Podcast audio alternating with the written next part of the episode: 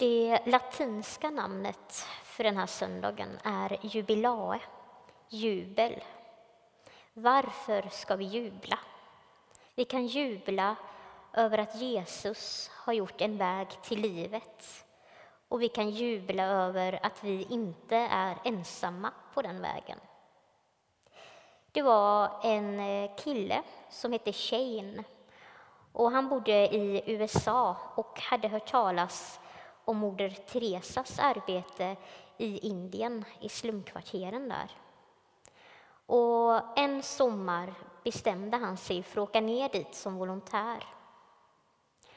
Och de flesta dagarna den sommaren nere i Indien så brukade tjejen gå till ett sjukhus som Teresa hade startat och som sköttes av före detta leprasjuka som blivit läkare. Och det bildades ofta en lång kö när människor ville bli behandlade. Och Shanes uppgift var att förbereda förbandsmaterial till läkarna. En eftermiddag så hade läkaren, en av läkarna gått hem lite tidigare men det fanns fortfarande människor på kö. Så en av läkarna som var kvar kom fram till tjejen och bad honom hjälpa till att lägga om förband. Tjejen blev chockad, för han hade inte gjort något sådant innan. Men han gick fram till den patient som var på tur och satte sig framför honom och såg honom i ögonen. Försiktigt började tjejen lägga om mannens sår och hela tiden stirrade mannen på tjejen. Hans blick var så intensiv att det var som om han stirrade in i tjejens själ. Då och då slöt mannen sakta ögonen. När tjejen var färdig så sa mannen namaste, ett heligt ord som betyder jag ärar den helige som bor i dig. Tjejen log med tårar i ögonen och viskade Jesus. Mannen såg Jesus i tjejen och tjejen såg Jesus i den mannen. Vad innebär det att inte veta om att det är Gud som man precis har mött? Och vad betyder det att man möter Gud själv? Thomas, som vi läste om i bibeltexten, hade ännu inte förstått vem Jesus var. Att Jesus och Gud var ett. Därför kommer Jesus med en utförlig förklaring men som jag ändå kan tycka är ganska invecklad. Men summan av kardemumman är just denna. Jesus är Gud och Gud är Jesus. Och det är via dem som allt liv kommer, är och kommer vara. Och det ger konsekvenser för oss och för världen. Positiva sådana som gör att vi, som söndagens namn säger, kan jubla och glädja oss över vägen till livet. En av de fantastiska saker vi kan glädja oss över är att Jesus finns inom oss lärjungar. Och vi lärjungar, då som nu, finns inom Jesus. Hela tiden som Thomas hade känt Jesus så hade han följt med Jesus på alla vandringar, lyssnat på undervisningen och försökt följa den. Men han hade inte förstått att Jesus var också den enda levande guden.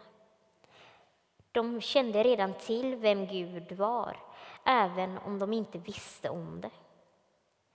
Thomas sa att det var nog för dem om Jesus visade dem Gud. Det skulle vara tillräckligt för dem. För de hade lämnat sina hem, familjer och sammanhang för att följa Jesus vart än han gick. De hade lämnat allt för att de förstod att det var något särskilt med Jesus. Och de lyssnade till det som Jesus sa och hjälpte till att möta de människor som Jesus mötte. De levde tillsammans i samma hus. De mötte de som hungrade efter Gud, de som levde i utanförskap såväl som helt vanligt folk. Och det enda som lärjungarna ville var att få se Fadern, Gud. Det var därför de gjorde detta. Men de förstod ändå inte att de hela tiden hade haft Gud närvarande hos dem så konkret.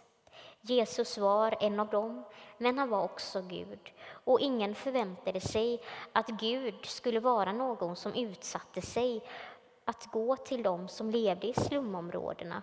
Ingen som tvättade andras svettiga fötter. Men Gud var mitt i deras vardag. De visste det inte då, men de skulle komma att förstå. När Jesus var uppstånden och Thomas fick känna på Jesus sår så utbrister han min Herre och min Gud. Då insåg han att Gud hade varit hos dem hela tiden och detta är den stora jublande glädjen. Att vi har en Gud som är ständigt närvarande i våra liv. Det är en av gåvorna som Jesus erbjuder oss. Att vi får leva i honom och han lever i oss. Och därmed möter vi också Jesus i våra syskon i Gudsfamiljen. Och detta var vad Shane insåg i sitt möte. Hans hjälp och omsorg blev inte bara en god gärning utan det blev ett möte med Jesus. Och mannen som fick ta emot fick inte bara hjälp utan ett möte med Jesus. Och det är där det stora ligger. Jesus lovar att den som tror på eller litar på honom ska göra under som är större än de som Jesus gjorde. Och jag tycker den texten har varit ganska svår att bli riktigt klok på. För jag har inte direkt lyckats få ett par fiskar att räcka till att mätta flera tusen människor. Men när vi inställer oss i Guds tjänst så verkar Gud genom oss. Och det kan Gud göra även när vi själva inte vet om det. När vi tror att allt det vi gör är att ge lite av vår tid till någon som är ledsen och lyssna på vad den personen vill lätta sitt hjärta. Eller mätta någon som är hungrig för den dagen. Det är inte maten i sig som är själva undret. De som får äta maten kommer vara hungriga igen i morgon precis som de tusentals människorna som Jesus mättade också blev hungriga igen dagen efter. Utan det är det att vi bryr oss om och ger av vår tid och resurser av kärlek till vår nästa. Delar med oss av kärleken från Gud. Det är de stora under som Jesus gjorde då och gör genom oss idag. Det är ett stort under som vi får vara med om. Att Jesus kraft bor inom oss och verkar genom oss. Oavsett vem vi är så verkar Gud genom oss. Inget är ett hinder för Guds kraft. Utan stor, liten, svag eller stark. Alla verkar Gud genom.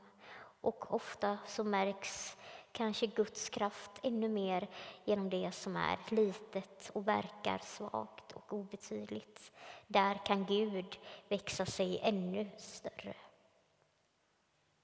Och vi får bära med oss Guds kärlek genom, över och under alla sociala barriärer och murar. Vi ber tillsammans. Jesus, Tack för att du gav ditt liv så att du kan leva i oss ständigt. Hjälp oss och ge din kärlek vidare. Amen.